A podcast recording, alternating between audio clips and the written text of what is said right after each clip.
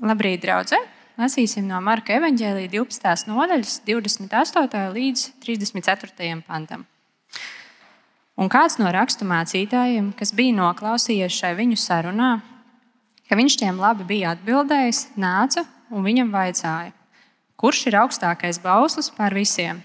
Jēzus atbildēja, augstākais ir, klausies, Izraēla, tas kungs, mūsu dievs, ir viens vienīgs kungs Un tev būs to kungu, savu dievu mīlēt no visas savas sirds, un no visas savas dvēseles, un no visas savu prāta, un no visas savu spēka. Otrs ir šīs: tev būs mīlēt savu tuvāko kā sevi pašu, cita lielāka baušļa par šiem nav. Un rakstu mācītājs viņam sacīja: Gan labi, mācītāji, tas ir tiesa, ko tu sacīsi. Viens vienīgs Dievs ir, un cita nav kā viņš viens un to mīlēt no visas sirds, un no visa prāta, un no visas dvēseles, un no visa spēka, un tuvāko mīlēt kā sevi pašu, tas ir vairāk nekā visi nedzināmie un citi upuri.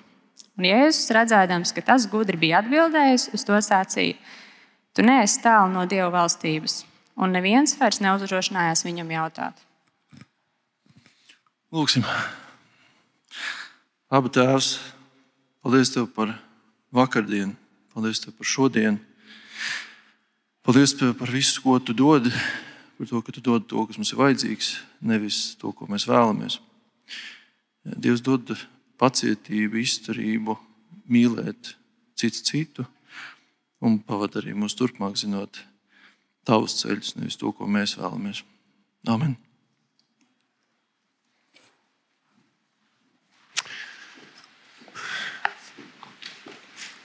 Šodienas svētdienai virsrakstā esmu izraudzījies, kāpēc mīlēt ir grūti. Un, un tad, kad šo virsrakstu uzliku un sāku vēl turpinoši par to domāt, tad tas jautājums, jautājums pašam sev, vai mīlēt ir grūti. Un, atkal un atkal es atgriezos pie tā, ka nu, viegli vienmēr nav. Tad jautājums, kāpēc? Kāpēc ir tā, ka reizēm mīlēt ir patiešām grūti. Un eh, pēdējās eh, nedēļas laikā, eh, vakaros liekot meitiņu gulēt, lasīju viņai priekšā Grāmatā Mazais princis. Es domāju, ka vairums no jums to ir vai nu lasījuši paši, vai uh, dzirdējuši. Vai es nezinu, kādā veidā, bet es biju izlavierējis tā, ka es nekad viņu nebiju lasījis. Man mājās bērnībā bija tā grāmata, to stāstu es zināju. Uh, Pat biju uz kādu izrādi bijis savā laikā, uh, multeni redzējis, bet lasījis nekad nebiju. Bet tur ir tā ļoti zināmā vieta par mazā prinča sarunu ar lapsu. Tur, kur eh, viņš runā, viņš, um, viņi runā par to, ka labs saka, es neesmu pieradināts. Labs uh, saka, nu, es nevaru ar tevi spēlēties, jo es neesmu pieradināts. Mums katru dienu ir jāsatiekās, un tad es ļaušu tev pienākt mazliet tuvāk, un nākamā dienā mazliet tuvāk, un mazliet tuvāk. Līdz beigās mēs būsim draugi. Bet tajā pašā laikā viņi arī ieliek to brīdinājumu par to, ka tad būs sāpīgi. Jo pienāks šķiršanās brīdis, būs kaut kāds brīdis, kad būs jāraud. Un, man liekas, tas tik labi eh, raksturo to mūsu, kā lai saka, to, to realitāti, ka eh, pieķerties otram, jeb iemīlēties, ir viegli.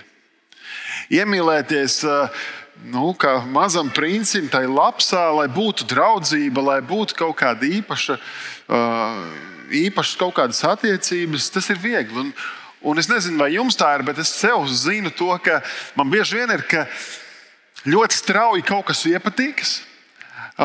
Vienalga, vai, vai tas, tas būtu kaut kāds jauns hobijs, vai, vai kaut kas tāds, pilnīgi iemīl to no tādas, tādas ar jaunu deksmi. Uh, Bet pēc tam pie tā turēties, tas paliek smagi. Un arī attiecībās ar cilvēkiem ir viegli kādu strauju pielaist sev tuvu, un, un mums patīk tā iemīlēšanās sajūta. Bet ilgtermiņā veidot attiecības, rūpēties par tām, tas ir gaužām grūti. Mēs skatāmies uh, kaut kādā laulību kontekstā, un šī svētdiena nebūs ar domu par laulību pamatā, bet, Bet vispār par attiecībām, kā tā laulības mums Latvijā gandrīz 50%, jeb aptuveni 50%, tā, tā, tā, tā statistika ir dinamiska, bet apmēram pusi no visām laulībām tiek šķirtas. Vidējais laulības ilgums Latvijā ir 13 gadi, un tas ir ieskaitot tos, kas nodzīvo līdz sirmam vecumam kopā un nekad tā arī nešķirs. 50 un 70 gadus pat laulībā. 13 gadi. Tas nozīmē, ka daudzas laulības ļoti ātri izjūta. Un liekas, kā tas var būt, ka, ka mēs cilvēcīgi kaut kādā brīdī iemīlam vai no otru, vai, vai Un liekas, es esmu gatavs iet to ceļu kopā līdz nāvei mūsu šķirs, un kaut kādā brīdī domas tā ļoti strauji mainās. Un, uh, mīlēt otru ir grūti. Te pašā laikā Jēzus saka, ka mīlestībai ir jābūt tai, kas definē, jeb nosaka, kas ir kristieši. Mēs zinām, ka Dievs ir mīlestība, ka viņš, no viņa nāk viss labais, viss skaistais. Jāņa eh, evanģēlī 13. nodaļā Jēzus saka saviem mācekļiem, ka no tā visi pazīs, ka jūs esat mani mācekļi, ja jums būs mīlestība savā starpā. Bet kur tā mīlestība ir? Tik bieži mūsu uh, cilvēcīgajās attiecībās ir nevis mīlestība, saskaņa un kaut kāda tāda, tāda laba, pozitīva noskaņa, bet tāda spriedze, nevajadzīgi konflikti, kašķi. Nu, kā tad, lai citi pazīst mūs, ka mēs esam Kristus mācekļi, ja tur nav tās mīlestības? Protams, ka Vieglāk ir pateikt, ka mums ir jāmīl, ka mums ir jāsaņemās, eh, ka mums ir jāatspoguļo Kristus ik vienā brīdī, kur mēs esam, bet ne, nekā to izdarīt. Un kāpēc tā? Kāpēc ir tik grūti reizēm mīlēt? Šī saruna, kur ir Jēzum ar eh, šo rakstu mācītāju, ir interesantā vietā Bībelē. Es, es, eh, šī reizē lasot Marka evanģēlīju cauri, tā secīgi un vairāk pievēršot uzmanību tam kontekstam, kur tas notiek, tas paver tādu plašāku skatu par to, ko Jēzus māca. Es nezinu, kā jums, bet man noteikti, un, šajā reizē skatos, kur rakstu mācītājs pienāk pie Jēzus un uzrunā viņu. Kur tas notiek? Tas notiek brīdī, kad Jēzus ir sarunājies tikko ar saduķējiem. Saduķēji bija tāda, nu, varētu teikt, elite ne tikai garīgi, bet arī politiski tādi ļoti dišciltīgi uh, vīri un sievas, kuri, um, kuriem patika tas status sabiedrībā. Un reizē viņi arī to garīgumu mazliet lietoja kā tādu fasādi. Viņi pat neticēja īsti uh, nu, pēcnāvus dzīvei. Viņi īsti neticēja, ka būs kaut kāda augšām celšanās vai, vai debesis pēc būtības, kā mēs teiktu.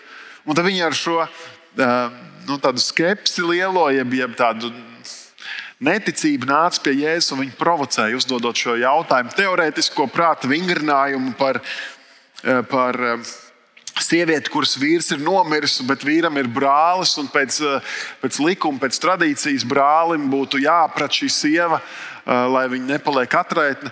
Un, un tad atkal tajā teorētiskajā vingrinājumā, ko saduķēji dod Jēzu, viņi saka, arī šis brālis nomirst, un tad nākamais nomirst. Es domāju, pirmkārt, jau vispār, kāpēc tā sieva precētu tos puikas, ja viņi tik bieži mirst, vai arī viņi ļoti slikti gatavoja, to mēs nezinām. Bet, uh,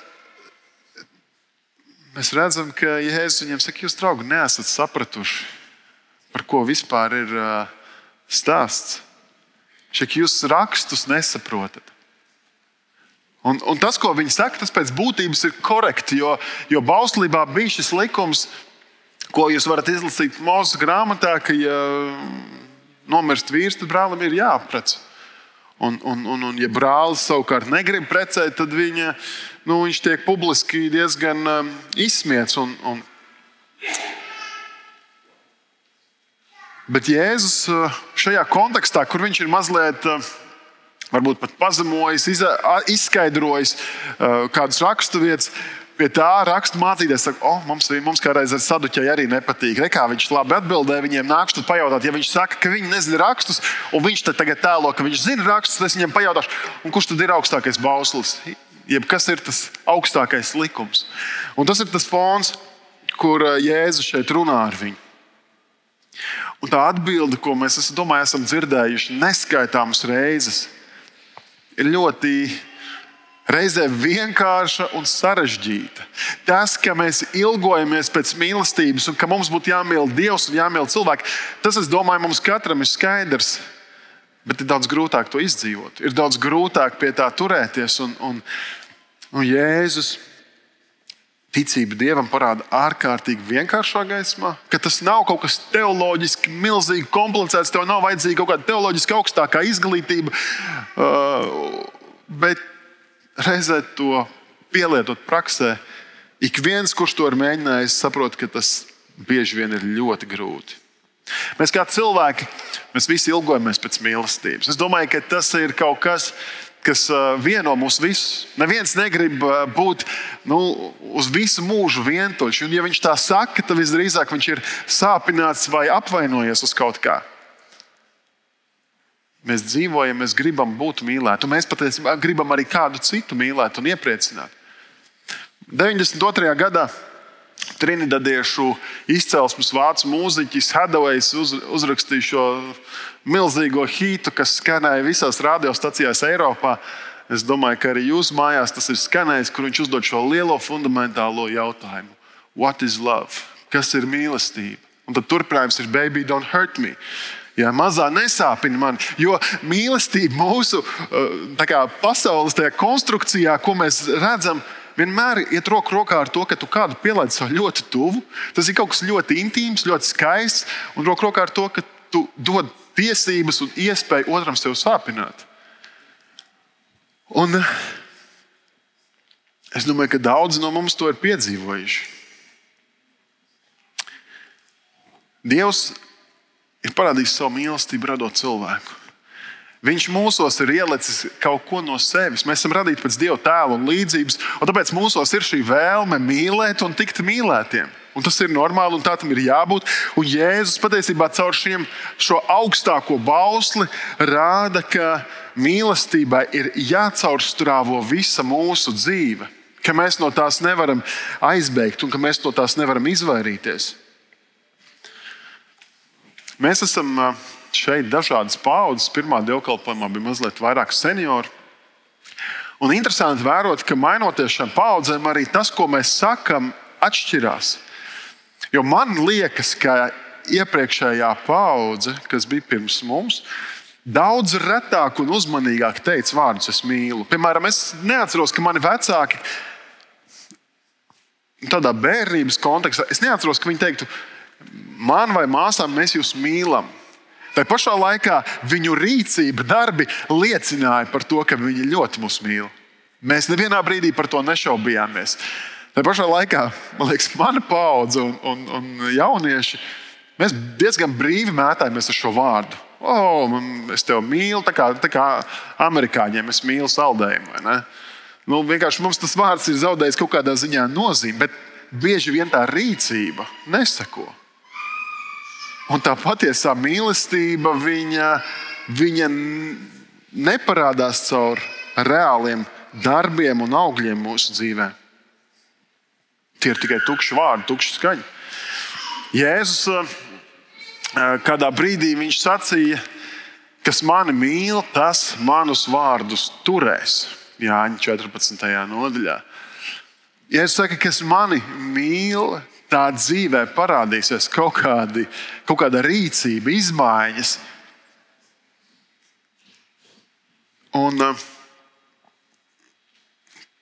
Jēzus vārdu turēšana nav tikai tā, ka es savu bībelīti tur rokās un to pārlasu. Tas ir svarīgi un labi, bet turēšana nozīmē darīšanu. Bībelē bieži vien rakstīts, kas dzird un dara. Tas iet roku rokā.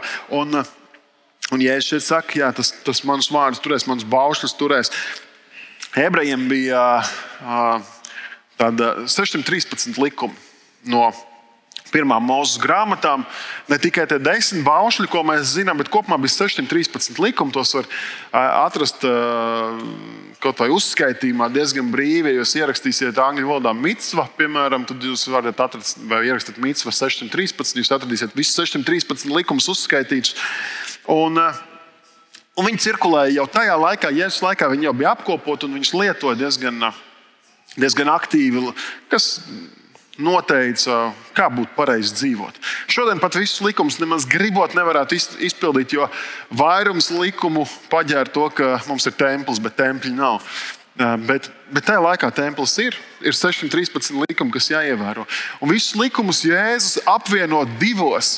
Pēc būtības, vienkārši sakot, ir viens likums, kas runā par to vertikālo, par attiecībām ar Dievu, un otrs, kas runā par par horizontālām attiecībām, par attiecībām ar līdzcilvēkiem.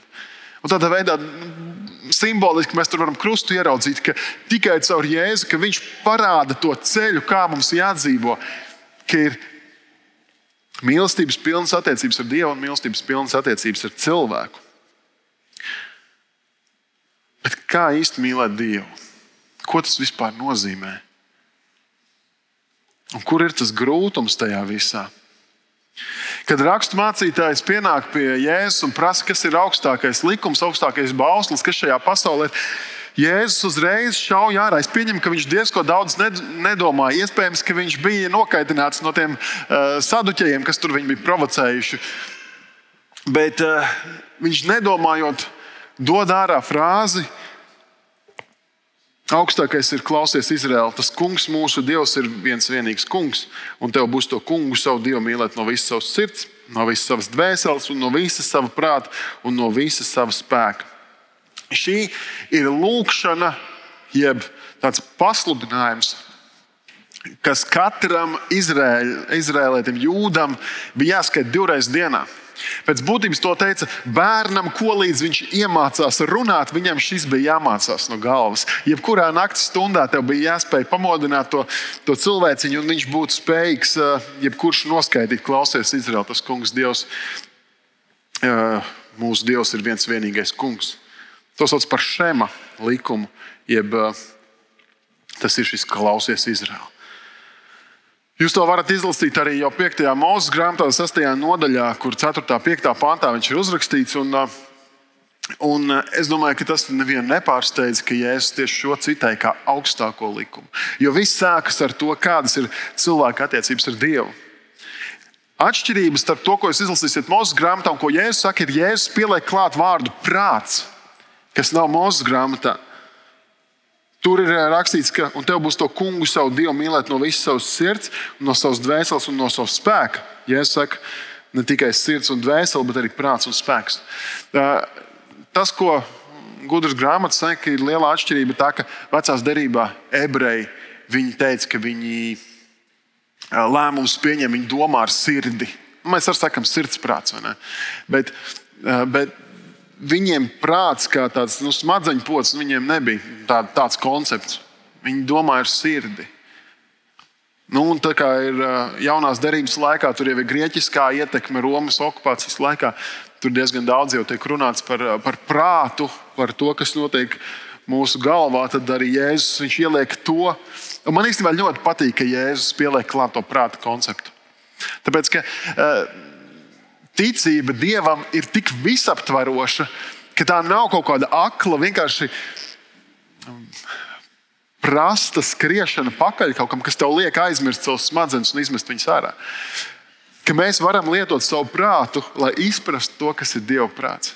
Lai mēs varam izprast to, kas ir viņa griba, kas ir labs, svēts, pilnīgs.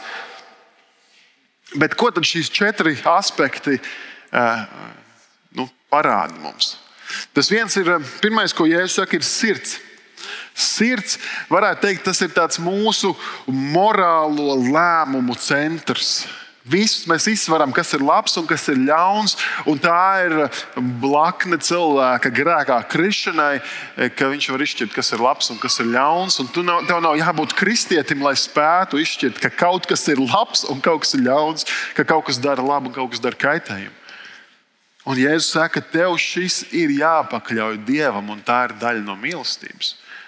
Ka tu pēkšņi eh, savu morālo kompasu pakļauj Dievam, un tā ir daļa no tā, kā tu viņu mīli. Ka tajā brīdī tu nevis apklusini to, to valstiņu, kas saka, kas ir labi un pareizi. Un tepat nav runa par tādu racionālu prātuļošanu, bet vienkārši tu zini, jo tev iekšā ir ielikās ielikta sirdsapziņa, tev ir ielikts dieva kaut kāds standarts un šī vērtību skala. Un tu saki, es darīšu to, kas ir pareizi, pat ja tas būs grūti. Pat ja tas būs neērti, es darīšu pareizi, jo tas ir veids, kā es mīlu Dievu. Tas ir veids, kā es viņu pagodinu. Otra lieta, kas eh, tiek izšķirta, ir dvēsele. Dvēsele grieķu valodā ir eh, mums ļoti pazīstams vārds psihē. Mēs saprotam, psiholoģija, viss ar to saistīts. Psihe, psihē pēc būtības nozīmē dvaša, un tas arī saslēdzas ļoti labi ar ebreju valodu, kur Dievs jau radīšanas stāstā dod savu dvašu. Viņš iepūš šo, šo savu dzīvību. Līdz ar to varētu teikt, ka tā mana dvēsele ir tas, kas mani atšķir no vienkārši gaļas gabala. Es neesmu vienkārši staigājošs gurķis, jo man 70 vai cik tur tie procenti ir ūdens. Bet tāpēc, ka es varu būt uh, dzīvs, es varu būt atšķirts no, no dzīvnieku pasaules, es spēju domāt tālāk, labāk, asāk. Un kamēr vien es esmu dzīvs, kamēr man ir dvaša, tikmēr man ir jāizdara izvēle pielūgt Dievu. Un tā ir daļa no mīlestības. Tas, e, tas, tā, tā ir daļa no tā, ko Jēzus saka, šādā veidā tu mīli Dievu. Mēs sanāk diezgan bieži dziedājām Matejā, lai visi, kam ir dvaša, visi to kungu teica. Kamēr es viens šeit dzīvošu, man ir jāizdara izvēle. Manai dvēselē slavē to kungu. Prāts, prāts būs mūsu racionālo, kognitīvo kaut kādu procesu un lēmumu centrs, kur mēs analizējam, spriežam, domājam. Nevis vienkārši tā uz inerci, kā gadīsies, bet mēs mēģinām saprast, kā es ar to resursu, ko Dievs man ir iedevis, es varu pagodināt viņu. Kā es lasot Dieva vārdu, varu mēģināt to saprast, kas ir tas, ko es tur ielaižu, gan savā prātā, domāju, arī savā sirdī līdz ar to. Un ko es ar to daru? Ja Dievs tev ir iedevis resursus, Viņš tev ir iedevis smadzenes, tad mums tas ir jālieto. Mēs varam, mēs varam pagodināt Dievu ar to, ka mēs esam gudri ka mēs sasniedzam savu potenciālu, ka mēs rīkojamies. Un spēks, spēks ir nevis tikai tas, cik es varu iesist vai cik ātri es varu paskriet, bet spēks raksturo mūsu gribu. Mums pat arī ir foršs vārds, gribas spēks. Ka es varu to, ko es esmu domājis, jūtis, apņēmies, ka es to varu īstenot. Un Dievs mums dod šo spēku. Un, un Jēzus saka, ar visiem šiem četriem aspektiem, ar savu morālo, ētisko kaut kādu lēmumu, Uh, ar, ar, ar savu dzīvību, ar savu dvašu, ar savu prātu spriedumu, tu vari pielūgt Dievu un tad to pārvērst rīcībā. Pārvērst ar savas gribas spēku par kaut ko, kas pagodina Dievu. Tas nav vienkārši kaut kāds apgarots stāvoklis, kad es mīlēšu Dievu, kad būs pareizā mūzika, kad būs mācītājs pareizi runājis. Nē, Jēzus runā par to, ka tev, man, mums katram ir atbildība pakārtot savu sirdi, savu dvēseli, savu prātu un savu gribu tam, lai es caur to pagodinātu Dievu. Un tad Dieva pielūgsme un pagodināšana nav saistīta tikai ar atrašanos šajos kvadrātmetros, šeit, baznīcā. Dieva pielūgsme ir ik katrs mans mirklis, ko es dzīvoju. Tas būs šodien, pēc baznīcas, tas būs rītējot uz, baz, uz, uz darbu, tas būs cauri nedēļai. Tas būs brīžos, kad uh, gribēsies slavēt Dievu, un tas būs brīžos, kad uh, liksies, Dievs, labāk neskaties, ko es plānoju darīt. Jēzus saka, tas ir veids, kā tu mīli Dievu. Un tas ir uh, vārdos gaužām vienkārši, bet realtātē tas ir ļoti izaicinoši. Tur ir vajadzīgs Jēzus spēks. Jēzus saka, mums nevajag meklēt tikai savu izdevīgumu, bet mums jāmeklē, kur ir tas pareizums. Mums nav. Mums ir, mums ir jāspēj nodot viss, kas man ir Dieva rokās, kamēr vien es dzīvoju šeit. Man ir jāpieņem gudri un saprātīgi lēmumi, jo tie pagodina Dievu. Man ir jāīsteno tas viss praksē, gal galā, nevis tikai gudri jāspriež par to. Un Jēzus tādā veidā parāda, ka mēs varam cilvēku, cilvēku sadalīt. Mēs, mēs sakām, mans fiziskais ķermenis, tad ir kaut kāds garīgais cilvēks. Ja? Mēs varam teikt, ka viss cilvēks ir vienots veselums. Mēs varam izdalīt, eh, ka cilvēkam ir miesa, dvēsele, gars un, un, un, un, un vēl kaut kas tur, var, cik daļās grib dalīt. Bet Jēzus saka, lai arī kā tu dalītu dienas beigās, visam ir jāpagodina Dievs. Mēs nevaram nodalīt, Te es esmu kristietis, un tur es neesmu kristietis. Un ja mēs šādā veidā, ar visu savu būtību, ar visiem savas dzīves aspektiem, ejam un sakam, es vēlos pielūgt Dievu, es vēlos mīlēt tevi, es vēlos slavēt tevi, tikai tad mēs sākam spēt jēdzīgi mīlēt savus līdzcilvēkus. Kamēr vien mēs ejam paši savu ceļu, un, un Dievs ir kaut kāds fons tam visam, lai atpirktos no sirdsapziņas vai, vai kādiem citiem, tad uh, tas jau nemainīs. Tas, tikmēr mēs savu otru cilvēku redzēsim tikai savam labumam, savām pozitīvām sajūtām, vēl kaut kam. Bet, bet tad, kad mēs noliekam Dievu pirmajā vietā savā dzīvē, tad Viņš parāda to, kā mīlēt otru, kā mīlēt citus. Jēzus saka, 31. pantā, ka otrs likums ir, tev būs mīlēt savu tuvāko kā sev pašu. Un cita lielāka baušļa par šiem diviem nav šis, eh, šis likums arī nav kaut kas tāds, ko Jēzus eh, būtu radījis tur tā uz vietas. Šis ir viens no tiem 613 likumiem, kurš ir rakstīts 3. mūža grāmatā, 19. nodaļā. Bet ko nozīmē mīlēt cilvēkus? Ko nozīmē mīlēt savu tuvāko? Un kas tur īsti ir grūts? Jēzus eh, pazīst, pazīst cilvēkus. Viņam ir ļoti realistisks skats par to, kas mēs esam un kā, kā mums ir vai nav jā, jārīkojas. Um, viņš Kalnu svētkrunā, Mateja evanģēlīja 5. nodaļā, diezgan, diezgan asi un skarbi saka, kur uh, uzliksim Mateja evanģēlīju. Ja es saku, bet es jums saku, mīliet savus ienaidniekus un lūdziet Dievu par tiem, kas jūs vajā, ka jūs topat sava debesu tēva bērni. Jo viņš liek savai saulē uzliekt par ļauniem un par labiem. Un liek lietumu līt par taisniem un netaisniem. Jo, ja jūs tos mīlat, kas jūs mīl, kāda alga jums pienāks? Vai muitnieki nedara tāpat? Un kad jūs sveicināt tikai savus brāļus, ko sevišķi jūs darāt? Vai muitnieki nedara tāpat? Tāpēc esiet pilnīgi kā jūsu debesu Tēvs ir pilnīgs. Jēzus parāda um, to, ka ja vien mēs mīlam tikai tos, kuri mūs mīl, ja mēs mīlam tikai tos, kuri mums ir ērti un izdevīgi, tad mēs neko neatšķiramies ne no pasaules, ne pat nezinu, no kādiem ļaunākajiem cilvēkiem, ko mēs varam iedomāties. Pat, pat ja mēs lasām vēstures grāmatas, par biogrāfijas par, par uh, kaut kādiem, uh, kaut kādiem teroristi vai, vai, vai nezinu, Adolfu Hitleru vai kādiem cilvēkiem, par ko mēs visi vienotos, ka viņi bija izcili ļauni. Tāpat mēs atrastu, kāds ir mīlējis kādu sievieti, kāds ir mīlējis māti, kāds ir mīlējis savus bērnus, kāds ir vēl kaut kādu ideju mīlējis un iestājies par to. Katrs kaut ko ir mīlējis. Bet ar ko tas atšķirās? Uz ko Jēzus aicina? Viņš saka, mīlēt savus ienaidniekus, mīlēt tos, kuri nav vērti, mīlēt tos, kuri ir man nav saprotami. Mīlēt tos, kuri man dara pāri. Un tā nav kaut kāda mazohistiska mīlestība, kur tu ļauj vienkārši sev darīt pāri. Bet, bet tā īstenībā ir dievišķa mīlestība.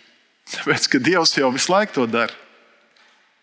Tas, tas tā kā tajā jokā, kur uh, divi, divi vecāki sarunājās savā starpā, un viens prasa otram, Un kā tev bērni pret tevi izturās? Viņš saka, tā kā pret Dievu. Viņš saka, o, tā gan labi. Kā tas ir kā pret Dievu? Nu, kā, nu, viņi nekad neklausa, viņi, viņi vispār neko nedara, ko es viņiem saku, un nāk pie manis tikai tad, kad viņiem no manas naudas vajag. Nu, vai, mēs, vai mēs tā izturamies pret Dievu? Bet reizē mēs, mēs redzam, ka Dievs mūs mīl tāpat. Dievs izstiep savu roku mums. Viņš, iz, viņš izstiep savu roku kā pret labiem, tā pret ļauniem, Jēzus saka. Un mēs nevaram mīlēt to otru, kurš man dara pāri. Mēs nevaram spēt mīlēt to, kurš man ir sāpinājis. Es nevaru mīlēt savu ienaidnieku, ja vien man nav dievišķas mīlestības, ja man nav tā Jēzus spēka manā dzīvē. Kādreiz liekas, nē, nē, tā nav. Viss nav tik vienkārši. Jo eh, es taču mīlu Dievu, bet es ienīstu to ļaunumu, to ļauno cilvēku vai, vai to, kurš man eh, ir darījis pāri. Pirmā Jāņa vēstulē Jānis raksta, ka mīlēsim, jo viņš mūs ir eh, pirmais mīlējis. Ja kāds saka, es mīlu Dievu un ienīstu savu brāli, tad viņš ir melis.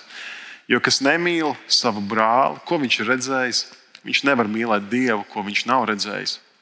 Un šis bauslis mums ir no viņa, ka tam, kas mīl Dievu, būs mīlēt arī savu brāli. Kas otru aprāja, nē, sorry, es pasteidzos priekš salma, neliekam vēl. Pirmā Jāņa, jā. Mēs nevaram nodalīt, ka tā ir mana dievišķā mīlestība, un, un te es nemīlēšu cilvēku. Jēzus, Jēzus un, un Dieva vārds mums ļoti skaidri parāda, ka tas, kā es attiecos pret saviem līdzcilvēkiem, kā es attiecos pret, eh, pret cilvēkiem, kurus es vai nu gribu mīlēt, kā savus brāļus, vai arī, ja es mūs izaicinu par ienaidniekiem, tas ļoti lielā mērā parādīs, kādas ir manas attiecības ar Dievu. Viņš ļoti skaidri, tas ļoti skaidri parādīs, vai es mīlu Dievu, vai es esmu spējīgs eh, pakļaut savu miesu kaut kādam riskam, ka es atkal tikšu sāpināts. Mums viegli ir mīlēt, kad es tā jūtos, kad es jūtos iemīlējies, kad viss ir labi, viss ir skaisti. Bet kā mīlēt, tad, kad es nejūtos? Kad man nav šīs jūtas, kad man nav vēlme nevienam labu darīt. To var izdarīt tikai Jēzus spēkā. Bet mīlestība vai, vai mīlestība ir vienmēr visam teikt, jā, viss super, galvenais prieks tevi redzēt. Un, un, un, un, Mēs zinām, ka, ka tā nav. Un, protams, ka ir šobrīd arī cilvēku liela grupa, kas saka, ka kristieši jūs mūs nemīlat, jo jūs neakceptējat to, kas mēs esam, kādi mēs esam. Redzi, Salamans to jau diezgan sen ir rakstījis. Viņš saka, kas otru aprāja un pārmāca, iemantos pēc tam viņa labvēlību un pateicību. Pie tam vairāk nekā tas, kas ar savu mīksto mēli liekuļo viņa priekšā. Vai tu esi bijis situācijā, kur, kur uh, kādam cilvēkam uzrāda kaut ko, ko viņš nu, ko sen jau vajadzēja pateikt? Viņš saka, es nekad nebiju iedomājies, ka tā ir problēma. Es nebiju iedomājies, jo visi apkārt saka, viss kārtībā. Bet tad kāds viņu konfrontē un parāda, varbūt tu esi bijis tas cilvēks, kurš viss saka, viss ir kārtībā, bet tad ir kāds bijis, kurš nāk un pasaka, īstenībā nav kārtībā. Un tad tu sāc domāt, un saproti, patiešām nav kārtībā. Kā visi varēja klusēt, kā visi varēja teikt, ka viss ir kārtībā. Salmans saka, ka varbūt vēlāk viņš būs pateicīgs. Varbūt vēlāk arī notiks kaut kādas pārmaiņas, un viņam būs eh, daudz lielāka labvēlība un pateicība nekā tam, kas visu laiku saka, ka viss ir super. Pāvils un, un, un reizēm mēs savukārt gribot to pamācību un pārmācību, kļūstam par nu, baigai patiesības cīnītāji, kur pazaudē cilvēku tajā visā procesā. Mēs pasakām, tu grēcinieki, tu ej uz ēli, un nu, vispār nav nekādas iejūtības, nekādas uh, normālas komunikācijas. Pāvils uh, rakstot savam draugam, uh, māceklim Timotejam, viņš saka, bet mūsu kunga kalpam nepienākas ķildoties. Ja? Tad, tad viņam jāspēj noturēt kaut kādas attiecības eh, saprātā un balansē, bet būt laipnam pret visiem. Izveicīgam mācīšanā un panest ļaunumu. Tādam, kas ar lēnprātību pamāca pretiniekus. Varbūt Dievs kādreiz dotu viņiem atgriezties pie patiesības atziņas, un viņi atkal atgūtu skaidru prātu. Atraisīdamies no vēlnu valga, ar ko tie sagūstītu, lai darītu viņa gribu.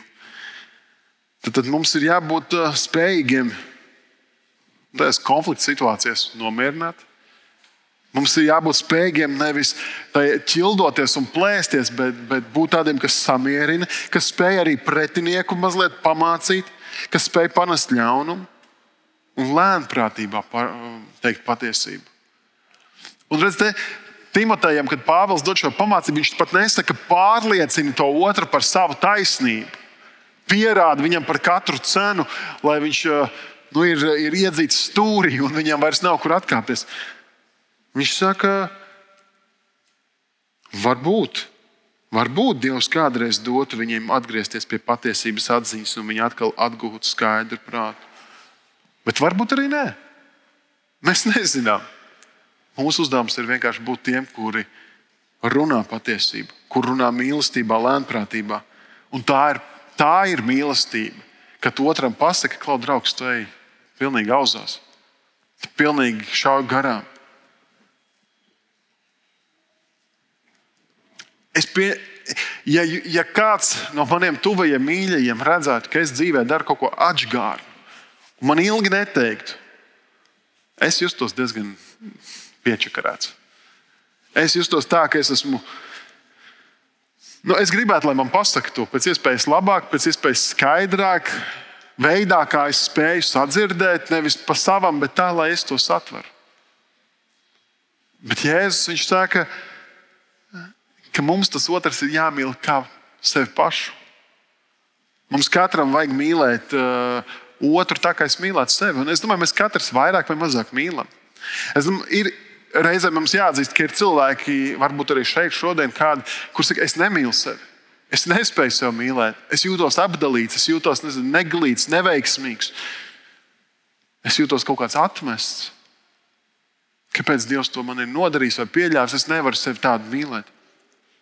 Varbūt tur ir tavā dzīvē kaut kāda pagātne, kļūdas, grēki, problēmas, kur dēļ domā, Dievs man nevar mīlēt, un es līdz ar to sev nevaru mīlēt.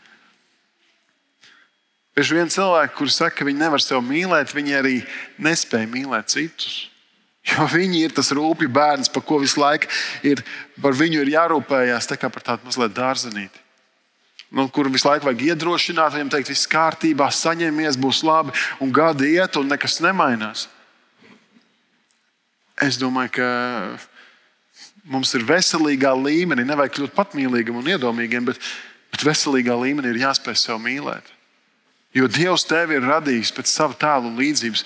Katru cilvēku, lai arī kāds viņš būtu, lai arī kāda viņa būtu, nezinu, tur vai nu izskats vai kaut kādas lietas, protams, mums ir no savas puses jāmēģina mainīties uz labu.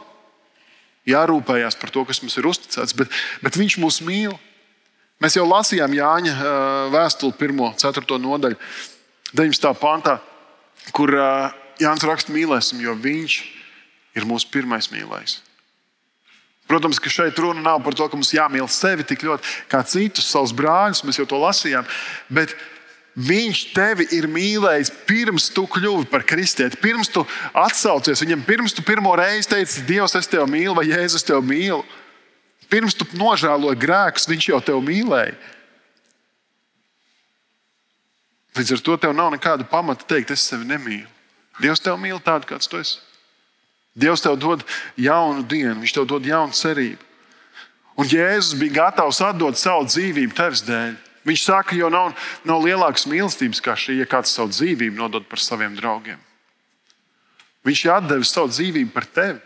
Viņš ir devis, lai tu varētu dzīvot, lai tu varētu saņemt glābšanu. Nenicini to. Es pateicīgs, lieto to. Atsaucies šai mīlestībai pret Dievu Un tad var mīlēt arī līdzcilvēkus. Un, protams, ka mums ir vajadzīgs Jēzus spēks tajā visā. Mīlestībai ir vajadzīgs Dieva spēks. Jo, jo Jēzus parāda savu spēku tajā, ka, uh, ka viņš mīlēja tos, kur viņu nicināja. Viņš mīlēja tos saduķējus, tos rakstu mācītājus. Viņš viņiem asi runāja, tāpēc, ka viņam rūpēja, kas ar viņiem notiek. Viņš mīlēja tos romiešu karavīrus, kas viņu piesita krustā, un tos jūdus, kas sauca sit viņu krustā un nodeva tiesai. Ja es teicu, lūkšanā Tēvs piedod viņiem, jo viņi neapzinās, ko viņi dara. Ne, tajā vietā cilvēcīgi varētu skanēt lāsta vārdi, kaut kāda, kaut kāda taisnošanās, vēl kaut kas, bet Jēzus saka, piedod viņiem. Jēzus parāda savu spēku, pakļaujoties tēva vadībai, kur viņš ģēdzamans dārzā, zinot, kas viņu sagaida tajā naktī Un nākamajā dienā viņš saka, Tēvs, ja vien ir kāds risinājums, ja vien ir kāds cits veids, tad lai tas biķers man iet garām, lai tā nasta man iet garām. Bet ne mans prāts, bet tavs prāts, lai notiek. Un, un, un tur arī ir vajadzīgs spēks, un reizēm arī mums ir vajadzīgs Jēzus spēks, svētā gara spēks, lai paklausītu debesu tēva kaut kādam rīkojumam, kaut kādam viņa plānam, kur es saprotu, ka tas nesīs sāpes, bet tas ir pareizi. Tas nesīs sāpes, bet tas ir pareizi. Man ir jāiet tas ceļš. Jēzus parāda savu spēku, samaksājot par taviem grēkiem, tur pie krusta. Un nevis tikai vienkārši nomirstot, bet arī uzvarot nāvi augšām ceļoties. Un tādā veidā dāvājot tev iespēju kļūt par, par Dieva bērnu. Jēzus parāda savu spēku arī tajā veidā, ka viņš saka, tālāk jūs būsiet mani mācekļi, jūs būsiet mani liecinieki. Caur jums es darbošos, caur jums svētā gara spēkā, Jēzus Kristus gara spēkā. Mēs esam viņa, viņa kājas, viņa rokas, viņa balss šajā laikā, kad viņš dara savus brīnumus. Un tas ir veids, kā Dievs var parādīt savu mīlestību šobrīd cilvēkiem, caur tevi.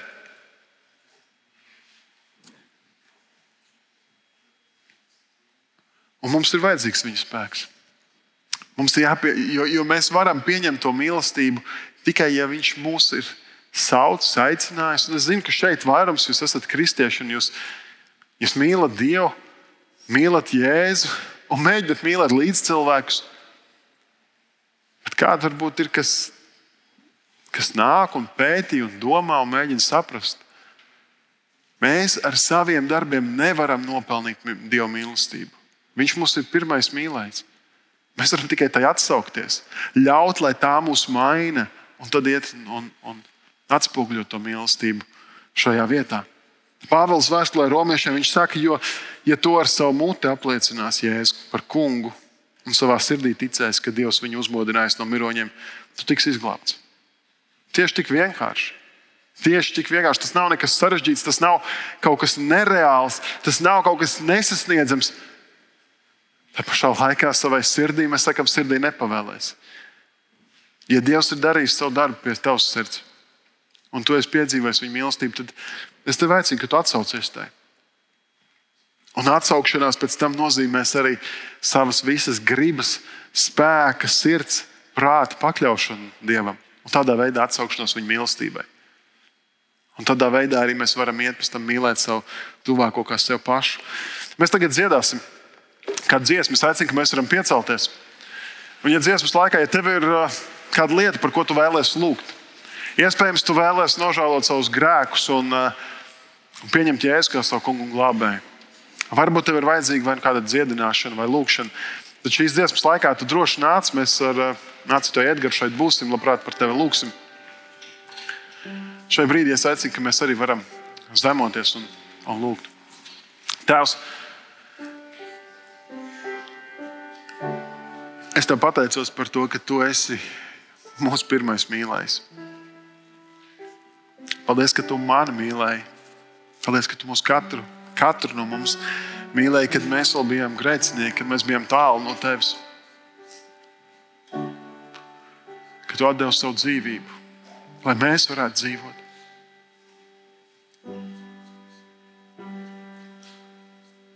Paldies par to, ka tava mīlestība ir apklāja bailes, ka tā apklāja jebkuru grēku, ka tavs žēlastība stāv tam visam pāri.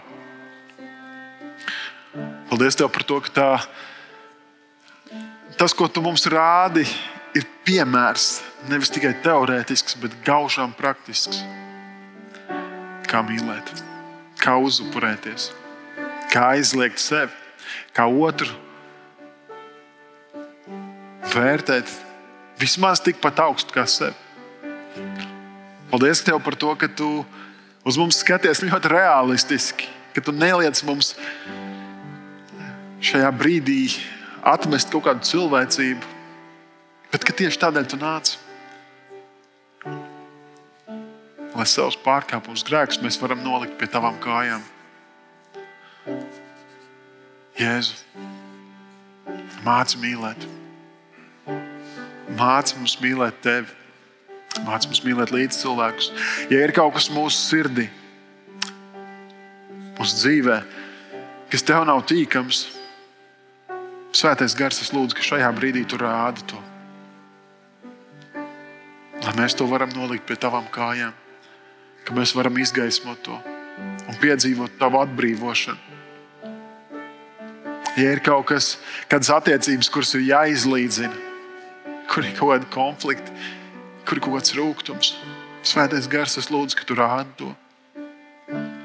Lai mēs varam piedzīvot izlīdzināšanos ar tevi un ar saviem mīļajiem, kungs. Es lūdzu, ka tu apģērb mūsu savā spēkā, lai mēs varam uh, mīlēt savu tuvāko kā sev pašu. Paldies, ka tu esi bijis tik neprātīgi labs pret mums. Tavā svētā vārdā to lūdzu. Amen. Ja tev vajadzīga lūkšana šīs dziesmas laikā, nāc droši priekšā.